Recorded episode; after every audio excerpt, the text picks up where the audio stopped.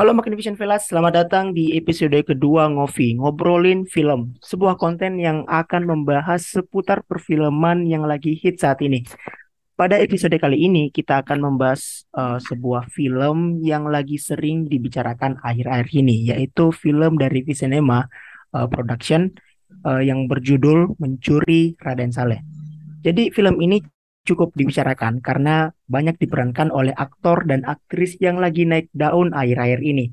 Seperti ada Iqbal Ramadan, ada Angga Yunanda, ada Agni Haq, ada Rachel Amanda, ada Umay Sahab, dan ada Ari Irham. Nah, selain itu, uh, terdapat pula aktor dan aktris senior seperti Atika Hasiholan, ada Tio Pakusadewo, dan ada Dwi Sasono.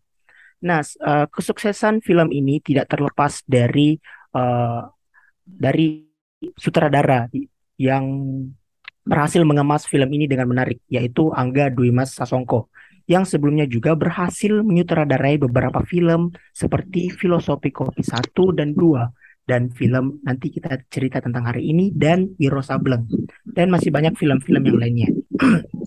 Jadi film ini menceritakan sekelompok anak muda yang berencana uh, mencuri lukisan bersejarah. Nah, lukisan tersebut tersebut adalah uh, lukisan penangkapan Pangeran Diponegoro karya Raden Saleh yang berada di Istana Presiden dan tidak ternilai harganya. Jadi masing-masing dari mereka ini memiliki peran dan tugas yang berbeda dalam menjalankan rencana pencurian ini. Hal itu yang membuat film ini cukup ramai untuk dibicarakan. Jadi uh, film ini uh, berhasil meraih 2,3 juta uh, penonton dalam tiga uh, minggu penayangannya uh, dan mendapatkan red feel mendapatkan uh, red review IMDb uh, sebanyak 8,2 dan film ini juga masih tayang di beberapa uh, bioskop. Jadi uh, oke. Okay. Jadi kita kali ini saya ditemani oleh uh, teman saya ada Fajar, ada Wais, ada Rini gitu. Jadi uh, kali ini saya akan uh, bertanya apa sih pendapat mereka tentang film ini. Saya mulai dari Wais dulu ya. Halo Pak Wais. Halo Fauzan. Iya. Nah kalau okay, uh, eh, menurut Wais, saya, ya kalau menurut saya film ini menghadirkan banyak uh, plot twist ya. Jadi benar-benar kita itu harus nonton sampai habis dan yeah. Iya. uh, yang harus fokus supaya kita tahu alurnya ini ke mana gitu. Cuma kalau untuk inspirasi dari membuat film ini menurut saya bagus karena apa ya um, mengambil um, narasi dan inspirasi dari seorang tokoh yang hebat kemudian berhasil dikemas dengan sangat baik film ini. Jadi saya rasa angka 2 juta penonton hingga saat ini tuh uh, benar-benar setimpal untuk kualitas uh, film yang seperti ini. Oh gitu ya. Oke, jadi saya langsung uh, beralih ke Fajar nih. Bagaimana tanggapan uh, setelah menonton uh, film Mencuri Raden Saleh? Ya, beda dengan Wai sebenarnya saya juga uh, sepakat nih filmnya banyak sekali plot twistnya terus uh, teman-teman tidak akan dapat pengalaman yang sama ketika teman-teman nonton film yang lain. Karena ini film uh, plot twist itu betul-betul membuat kita terkecoh.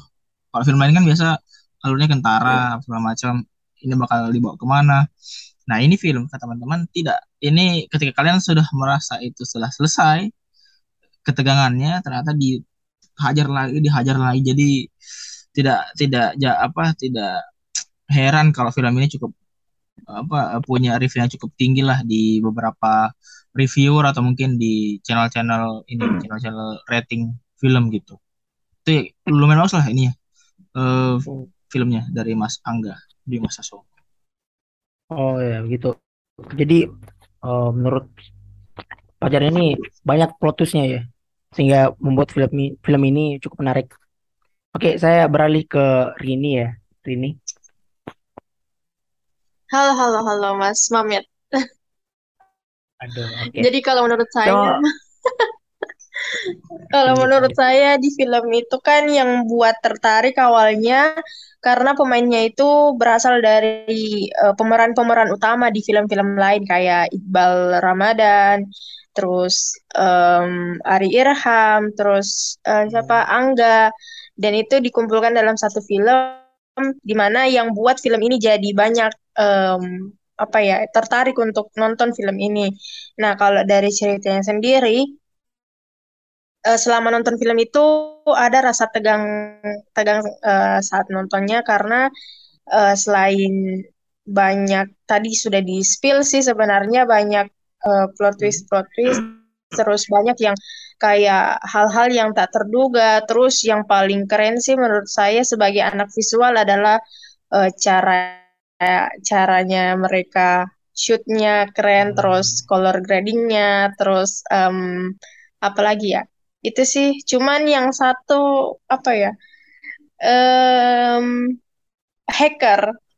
Okay. yang saya tidak tidak apa ya tidak uh, bayangkan hacker seputih angga semulus angga itu kayak ini um, perspektif saya ya karena kan hacker itu biasanya eh, dua empat per tujuh di depan laptop yang uh, bakal ada kantong matanya atau apa ya. Tapi kita tidak tahu uh, programmer programmer hacker-hacker di luar sana. Mungkin ada yang uh, skincarean setiap saat oh, ya hingga seputih angga lah gitu. Itu sih saya dari saya mas ya mungkin hackernya ya sering perawatan ya oke saya langsung uh, beralih ke topik yang lain ya yaitu uh, topik Oke, kita bicarakan tentang lukisan dari Raden Saleh ya. Kita bicara tentang uh, Pangeran Diponegoro. Saya beralih ke Wais. Halo Wais. Ya, Mas Fauzan. Uh, wow. Ya, Wais. Ya, sebagai ahli sejarah nih, ada tidak Wah. yang bisa dijelaskan atau dikulik hmm. lah dari lukisan Pangeran Diponegoro ini karya Raden Saleh? Jadi lukisan ini sangat memiliki arti yang seperti juga akan disinggung nanti di hmm. filmnya ya. Kalau teman-teman okay. nonton filmnya, tapi kita bahasin dari segi uh, lukisan yang di di apa yang dibawakan di film Mencuri Raden Saleh ini. Jadi uh, lukisan dari Raden Saleh ini adalah semacam lukisan tandingan hmm. dari yang dibuat oleh uh, waktu zaman Hindia Belanda itu oleh oleh Pinaman. Jadi dia buat hmm. pertama memang dia ditugaskan untuk mendokumentasikan penangkapan Raden Saleh. Namun beberapa hal berbeda di sini yang di yang dicoba oleh Raden Saleh untuk dihadirkan perspektif lain. Kalau di yang digambarkan oleh Pinaman itu Pangeran Diponegoro sangat tidak berdaya ketika dia ditangkap. Terus dia digambarkan sangat lemah. Perspektif lain bahwa kejadiannya itu tidak, tidak seperti itu bahwa uh, ini ini adalah uh, murni penangkapan dan hasil uh, pengelabuan di mana uh, awalnya di Pangeran Diponegoro itu ingin diajak berunding untuk menghentikan perang, namun ternyata niat baik Pangeran Diponegoro ini dijawab uh, dengan penangkapan oleh oleh Jenderal de Kock itu. Tapi digambarkan bahwa beliau sangat uh, berani di situ, sangat gagah, berani dengan membusungkan dadanya, hmm dan digambarkan bahwa dia seorang pahlawan di situ. Tidak seperti dibandingkan dengan Pinaman bahwa dia itu, itu ditangkap bahkan di di Pinaman itu kayak dia sudah menyerahkan dirinya. Di di perspektif Raden Saleh tidak seperti itu. Jadi lukisan ini benar-benar sangat penting apalagi ini berhasil mengabadikan sebuah uh, peristiwa sejarah dengan perspektif yang dihadirkan oleh Raden Saleh.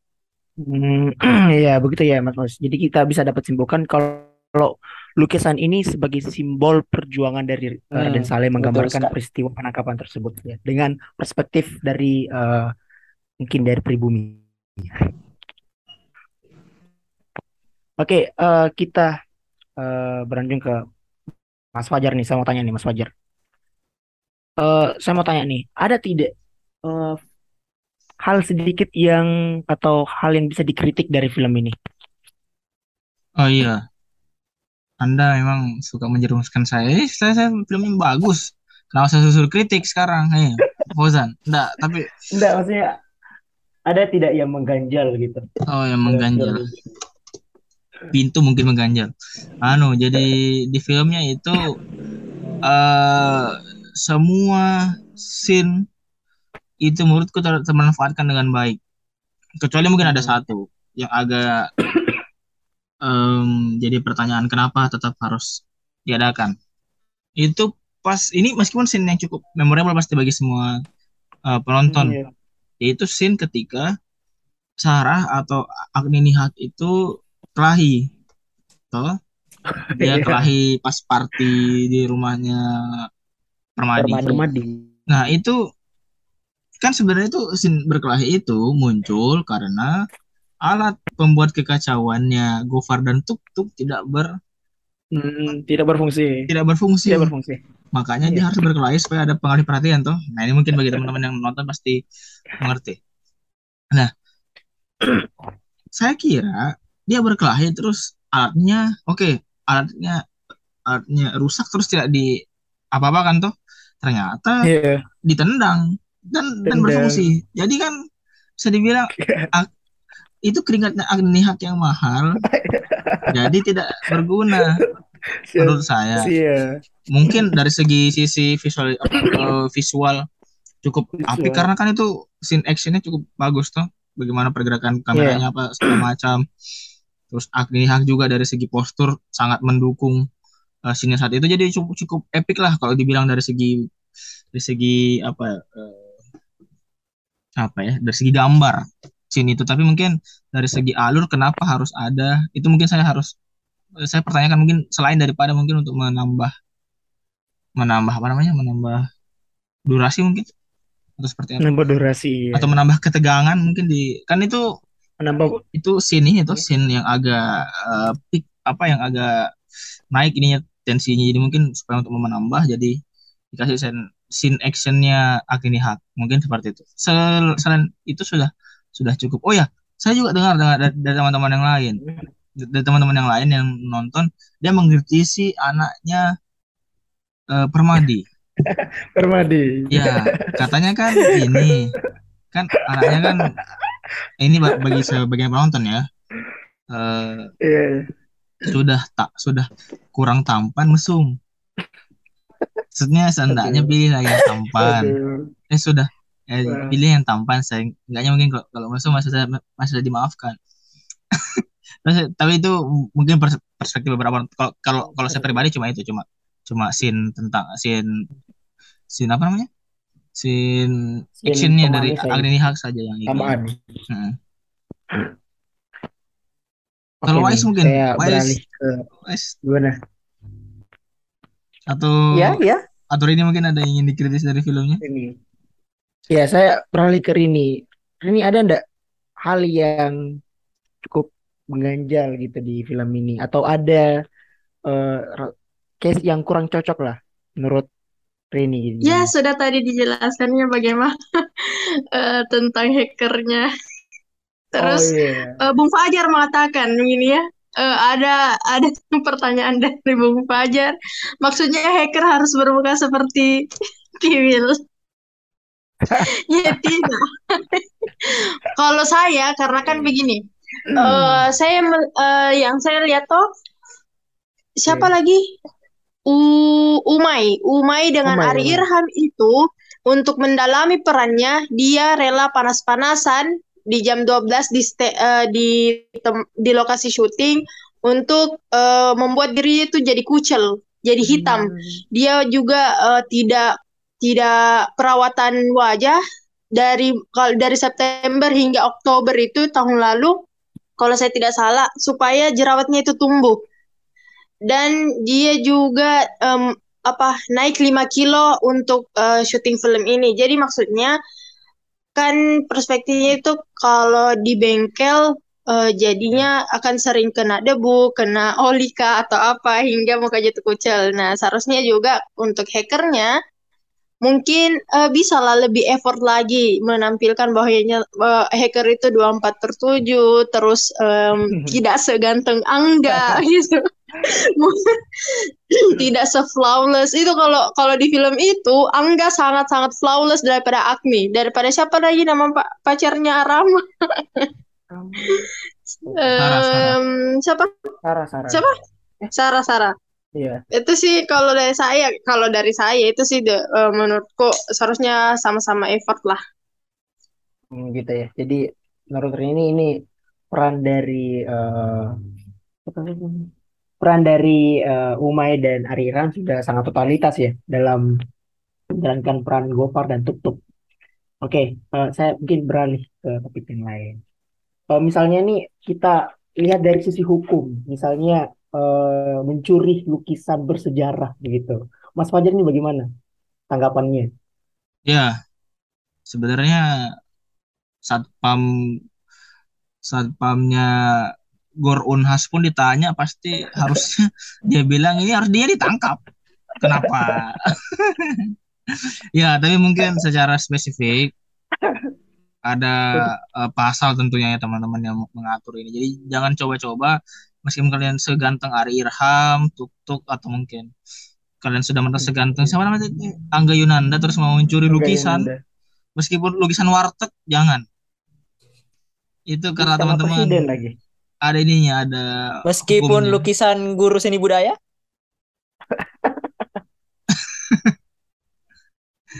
Ya eh, itu janganlah teman-teman ya jangan. Ini jangan mencuri. Nah jadi karena ada beberapa pasal kalau saya tidak salah sini Hmm, nanti mungkin Wais bisa tambahkan atau mungkin Rini bisa tambahkan juga terkait ini apa namanya uh, bagaimana perilaku mencuri itu dalam undang-undang. Jadi itu perilaku mencuri itu kalau tidak salah masuk tindak kriminal ringan, ringan. di Wais atau tidak? Ringan, ringan. Tapi ringan, ringan. dia ringan dari segi bagaimana proses kejadiannya. Itu juga di proses kejadiannya, berapa orang yang terlibat, bagaimana skenario yang dijalankan, itu di di kuhap itu disinggung. Hmm, nah, tapi harusnya kalau namanya kalau dia tindak kriminal ringan, bukan tindak kriminal, tindik kriminal. Harusnya. kriminal. Karena kecil, nah. tindik kriminal. Oh, ini jokesnya anu ya. Uh, kalau yang besar itu tompel, kalau yang kecil itu tompi. Tompi. ya ini uh, ini tadi apa namanya jadi misalkan gitu bagaimana wes ada beberapa nah jadi ada pasal tentang tindak pidana ringan teman-teman ya. Ini sebagai pemberitahuan saja bagi teman-teman yang lebih sering nonton apa TikTok dibanding hukum online. Nah ini saya sampaikan hukumonline.com dia bilang kalau pencurian itu bi bisa masuk dalam tindak pidana ringan. Pasal 205 ayat 1 Undang-Undang Nomor 8 tahun 1981 tentang hukum acara pidana. Jadi adalah yang adalah yang diperiksa menurut acara pemeriksaan tidak pidana ringan yaitu perkara yang diancam dengan pidana penjara atau kurungan paling lama tiga bulan dan atau denda sebanyak-banyaknya tujuh ribu lima ratus rupiah dan penghinaan ringan. Kenapa ya dendanya cuma tujuh ribu lima ratus? Nah itu mungkin ada Taman lagi dari Wise dan ini mungkin tentang ini. Nah, kalau kita melihat, berarti yang paling rendah itu kalau dia pencurian biasa itu ditu itu itu dituntutnya lima tahun, ya lima tahun terus maksimal sembilan apa denda maksimalnya itu 9 juta. Tetapi itu dilihat juga apakah kejadiannya itu malam hari misalnya, apakah dia dilakukan oleh komplotan, apakah pada saat dia melakukannya itu di ada yang dirusak tempatnya dan apakah dia menggunakan orang atau dia melakukan penipuan misalnya un untuk untuk memperlancar aksinya itu juga dilakukan. Nah, bisa dilihat di sini ancamannya itu 9 tahun yang paling parah, tetapi ada yang membuatnya paling berat itu misalnya 20 tahun. Ini kalau misalnya ada orang yang terbunuh misalnya. Ini dua ini ini hanya 20 tahun. Tapi kalau kita lihat di filmnya yeah. Pertama dia berkelom dia berkomplot ini berkomplot sudah jelas tapi di sini tidak ada orang yang mati ya jadi ya mereka tidak akan dapat pasal 20 tahun dan Orang-orang yang kalau ini, dilihat dari dari jumlah nominal hadi, ha- eh, hadiahnya sepertinya den- denda denda 9 juta bisa langsung dibayar. Jadi tapi bukan berarti membuat eh, em, ini menjadi legal ya teman-teman. Tetap tetap tidak boleh lakukan pencurian. Ya salah satu yang harus diingat ketika orang mau melakukan pencurian ini, apalagi pencurian itu yang dia diancam dengan hukuman lima tahun, ya pertama ya SKC kamu akan rusak. Ya walaupun mungkin di beberapa perusahaan kamu tidak bisa diterima, tapi ya di beberapa pekerjaan seperti di politik eh, tidak perlu pakai SKCK mungkin kamu bisa. Tapi kalau kamu punya cita-cita mau jadi PNS atau jadi pekerja di perusahaan itu tidak bisa karena pasti SKC kamu ada tersangka pencurian dan pencuriannya adalah lukisan. Kalau lukisannya mahal ya mungkin masih bagus ya. Nah, selanjutnya itu kalian tidak bisa jadi calon presiden karena minimal kalau Anda mau jadi calon presiden itu tidak boleh pernah mendapatkan hukuman yang lima tahun atau lebih. Nah, itu itu sudah bisa. Nah, itulah mungkin eh, di kontrasnya di film ini ya pencuriannya dilakukan oleh presiden yang sudah menjabat. Oke, itu tadi kita lihat dari perspektif hukumnya dari film ini. Oke, sekarang kita masuk ke what if session. Oke, bagaimana jika cerita di film ini terjadi di dunia nyata? Nah, yang pertama saya tanya mungkin ke Rini ya. Bagaimana nih, misalnya eh, kejadian ini terjadi di eh, dunia nyata? Apanya mas? Pencuriannya atau apanya nih? pencuriannya, pencuriannya misalnya ada sekelompok anak muda dan ingusan yang tiba-tiba ingin mencuri lukisan sejarah. Hmm, ya saya tidak bisa berkata-kata karena karena apa?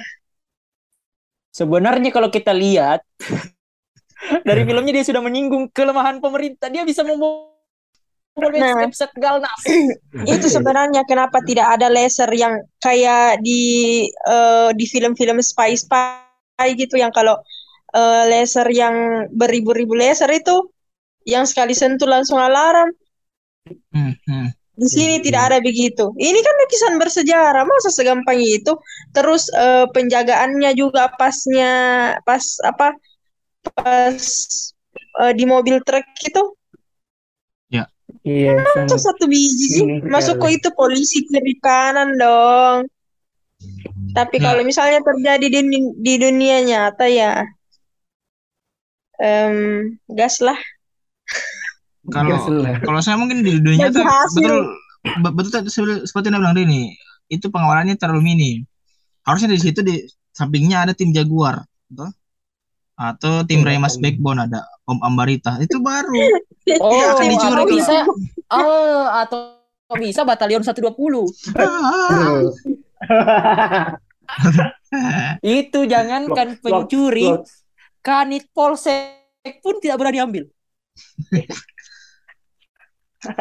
Dan dan sebenarnya dalam film ini itu kayak bilang gitu dari pengalaman Hmm. sebelumnya tidak ada kejadian-kejadian mau dicuri atau apa.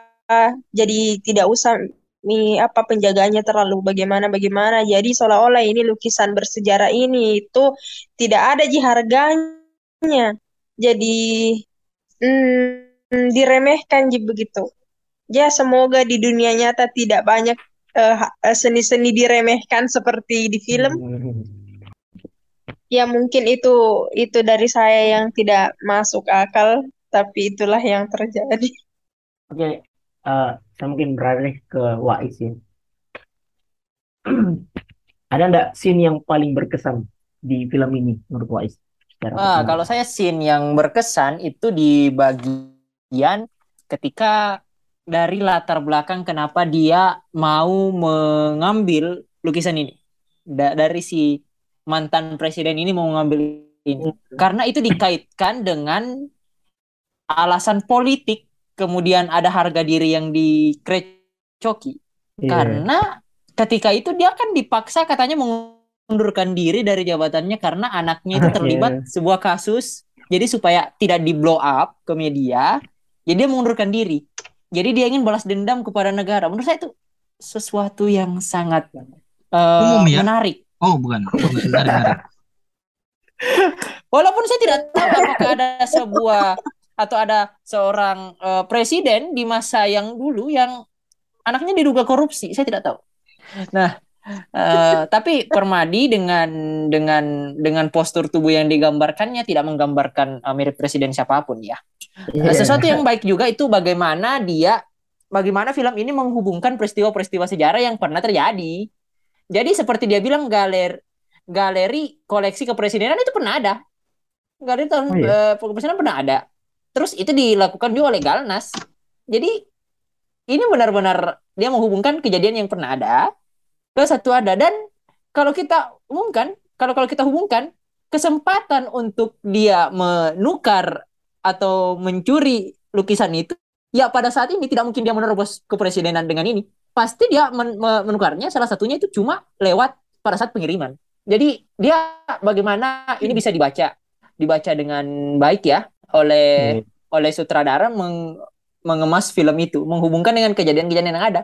Jadi ya seperti pameran koleksi kepresidenan itu dulu yang buka Bapak Presiden Joko Widodo dan benar-benar sekali. Dan menurut saya salah satu yang lain juga itu karena uh, alasannya kenapa uh, ini tidak di blow up ya karena itu mengganggu keamanan nasional. Kemudian alasan kenapa ini cepat kasusnya ditutup pertama tidak ada dana untuk membuktikan, terus hmm. kurang dananya, terus sumber daya untuk membuktikan keaslian ini kurang. Dan yang menarik juga adalah alasan tuk-tuk ini dibebaskan. Karena alasan hukumnya dia kena, artinya dia dia dia kena pertama uh, penyidik hmm. merasa tidak dia, dia dia tidak kooperatif. Tetapi alasan dia itu masuk akal. Dia panik gara-gara ada penculian dan dia spontan menabrak itu. Uh, ini benar-benar ini ya itu itu bisa dianggap suatu kesimpulan ya. Walaupun pembuktian-pembuktian lainnya, tetapi karena ini uh, lebih karena lukisan ini dianggap sulit sekali dibuktikan asli atau benarnya dan yang dan mereka asas kehat, asas asas dia gunakan asas yang penting lukisannya sudah ada kita harus pameran selesai ini menurut saya yang paling menarik di film ini. Hmm, ya gitu ya dari masalah itu ah. Oke okay. saya beralih ke Fajar lagi. Fajar. Menurut Fajar nih apa sih yang membedakan film Mencuri Raden Saleh dari film-film Indonesia yang lainnya gitu? Eh se sebelum ini ya sebelum ini tolong SJW serang Ocang karena ini ini selalu di selalu disimpan di belakang.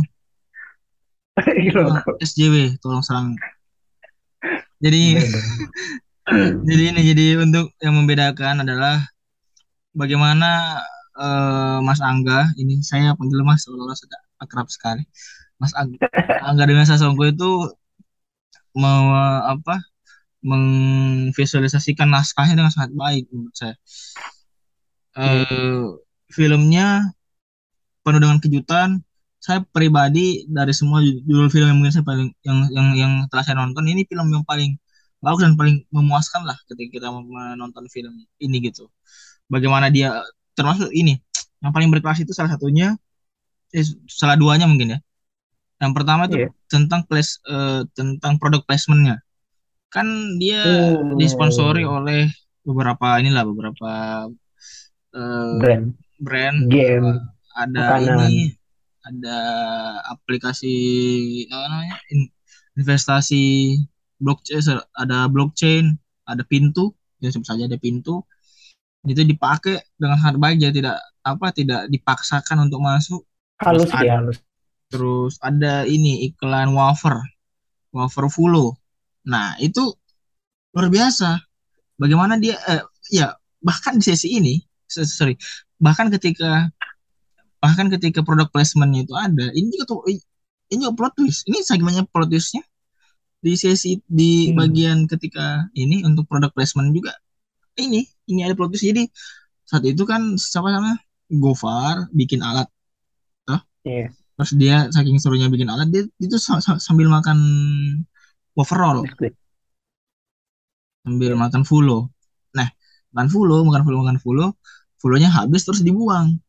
Gitu nah logika pertama yang pop up harusnya ini kenapa kenapa sponsornya dibuang begitu? Nah ternyata pas dibuang eh, penambangan selanjutnya itu adalah itu ter, ternyata sudah banyak apa sudah banyak uh, bungkus bukan bungkus sebanyak kotak full yang dihabiskan itu sangat brilian sekali nih ya brilian sekali cara cara produk placementnya.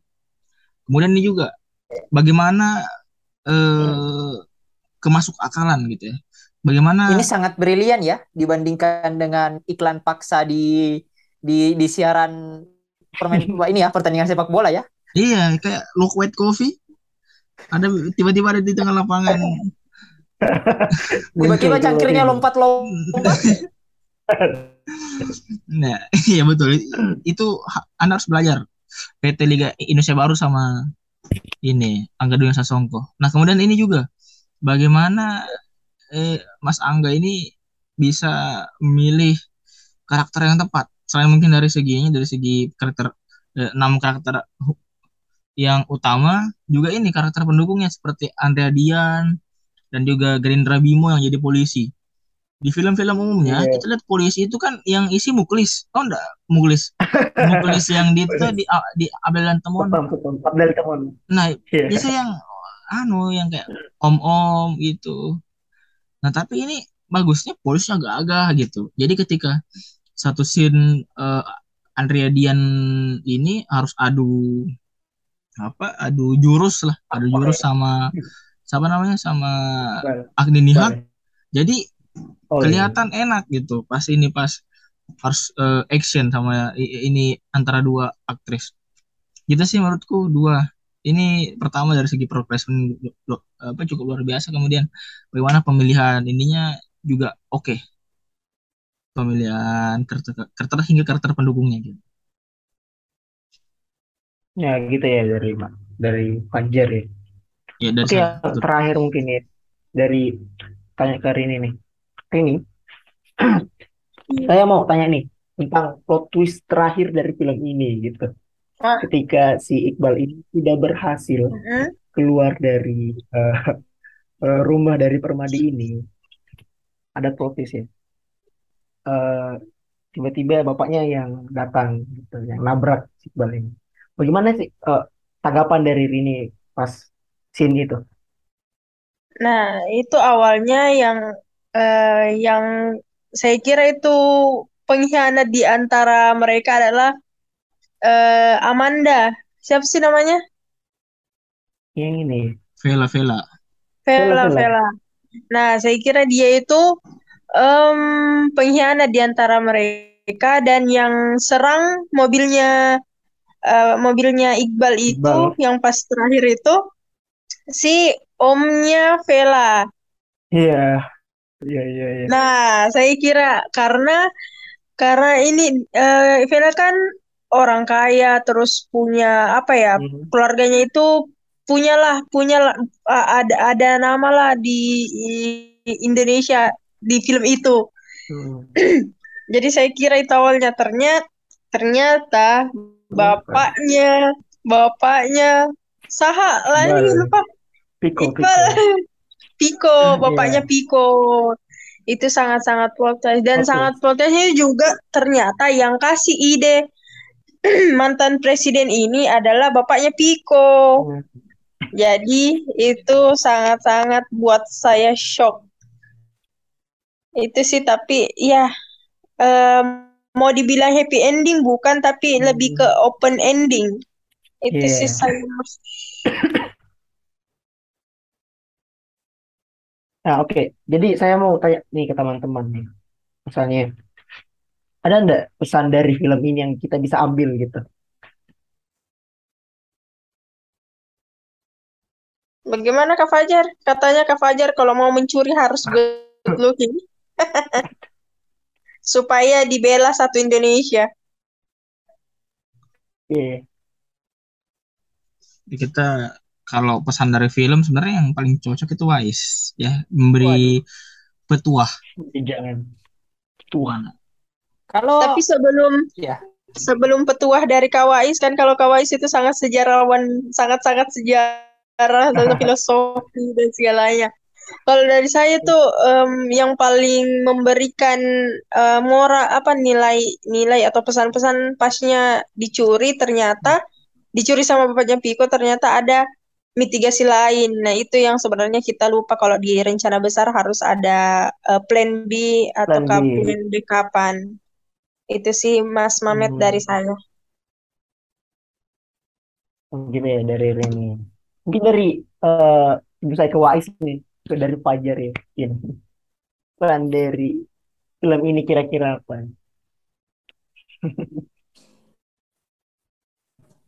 Ya, silakan Mas Fajar. Sudah mirip ini Ade Armando kebetulan. Jadi ini apa namanya?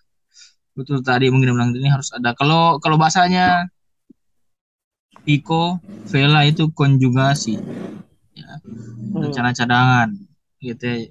Karena kita tidak tahu di tengah jalan tiba-tiba kita ditabrak oleh bapak kita sendiri, bukan ditabrak, ditampar oleh bapak sendiri. Nah, gitu. Berarti harus lebih kuat dari Bapak sendiri. Tapi kalau bapaknya seperti Om Deddy mungkin tidak tidak eh, tidak bisa. Kalau bapaknya seperti Om Deddy, Piko ditampar langsung selesai filmnya. langsung set ending. Kata Piko koma. Ya, ya itu mungkin ya. Itu in- intinya harus ada rencana cadangan. So ini ya, karena itu yang membuat rencananya makin sempurna gitu. Asik. So, so bijak saya. Eh, Wais, Iya. ya, jangan lari kamu. Oke dari Wise ya, gimana nih dari Wise? Pesannya dia yang bisa diambil dari film ini. Iya, kalau saya itu ada hati-hati pengkhianat. Iya, jadi terkadang ya membuat em, pe- apa sebuah rencana besar itu dibutuhkan ide yang matang dan berlapis-lapis dan mempertimbangkan detailnya. Terlep, eh, bukan bukan bukan berarti ketika Anda ingin mencuri ya tidak. Ini ini ini adalah mencapai tujuan. Apalagi kita belajar bagaimana dia menghandle timnya dengan baik. Dan dari film ini saya belajar bahwa fungsi dari eh, film film sejarah ini jadi bagus karena setelahnya banyak orang yang mulai mencari tahu ih lukisannya Raden Saleh bagaimana kemudian eh eh, tempatnya di mana jadi ya terus ada yang menyikapi bilang eh, ini kan berawal dari keresahan dari sang sutradara melihat bahwa keamanan lukisan ini sangat rendah ya Iya. Em, nah, kita bisa belajar bahwa bagaimana sebuah film yang mengangkat latar belakang walaupun dia tidak walaupun di, di film ini sama sekali tidak menyinggung sejarah, tidak menyinggung sejarah. Dia cuma mengangkat dia pencurian lukisan. Itu saja. Tetapi dari situ bisa memantik orang. Nah, inilah sebenarnya bagaimana kecerdikan dari eh, sang pembuat naskah kemudian sutradaranya itu merangkai.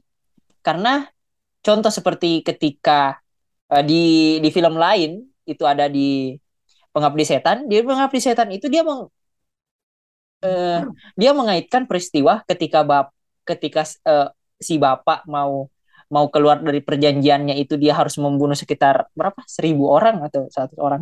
Nah dia kan dikaitkan dengan Petrus. Dan bahwa dia di situ bicara bahwa dia itu seorang aparat. Nah itu dikaitkan. Walaupun sebenarnya kan peristiwanya fix apa eh, ke Fiksi. orangnya fiksi. Tetapi kejadiannya betul. Iya. nah sama juga sekarang. Dia mengaitkan peristiwa-peristiwa fiksi ini dan diranggaikan untuk memantik orang untuk belajar sesuatu. Nah ini menurut saya filmnya yang bagus karena betul-betul eh, keragam apa ya sebenarnya yang membuat film ini seru karena ya tidak ketebak endingnya ya. Tidak ketebak endingnya. Bahkan sampai ending pun kita bahkan mengira mereka gagal tapi ternyata eh, eh, tidak. Dan dan di sisi lain saya melihat bahwa ternyata eh, nilai sejarah dan lukisan itu ataupun nasionalisme itu bisa dibeli dengan uang iya pada akhirnya mereka kan mau menjualnya kan mau Iya, menjualnya iya, dan iya, iya. saya salut dengan dengan dengan toko si anak buah Permadi ya.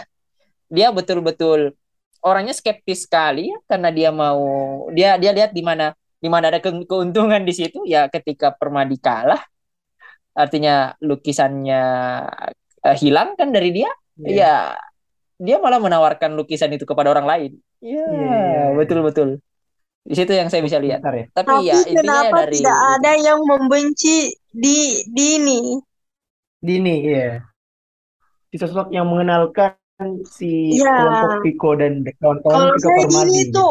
lebih ke negosiator dengan manipulatif iya sebenarnya dia lebih melihat peluang kebetulan. Tidak, tapi dia melihat peluang dengan menjerumuskan. Itu kasihan anak-anak polos yang polos yang hanya memikirkan duit ternyata bapaknya keluar tanpa bantuan anak-anak itu. tapi tapi teman-teman teman-teman sebenarnya untung itu Dini yang main. Kalau Dino besar. eh. Aduh. Saya bisa kalian yeah. yang main eh iya, oh, iya, tetapi tetap tetapi di film ini kita juga belajar ya bahwa kripto itu penting, teman-teman. Kripto itu penting. Kenapa? Iya, Bitcoin. Ya. lebih penting di, dibanding bermain VTube. Yang bermain hmm. VTube berhenti main Bitcoin sekarang.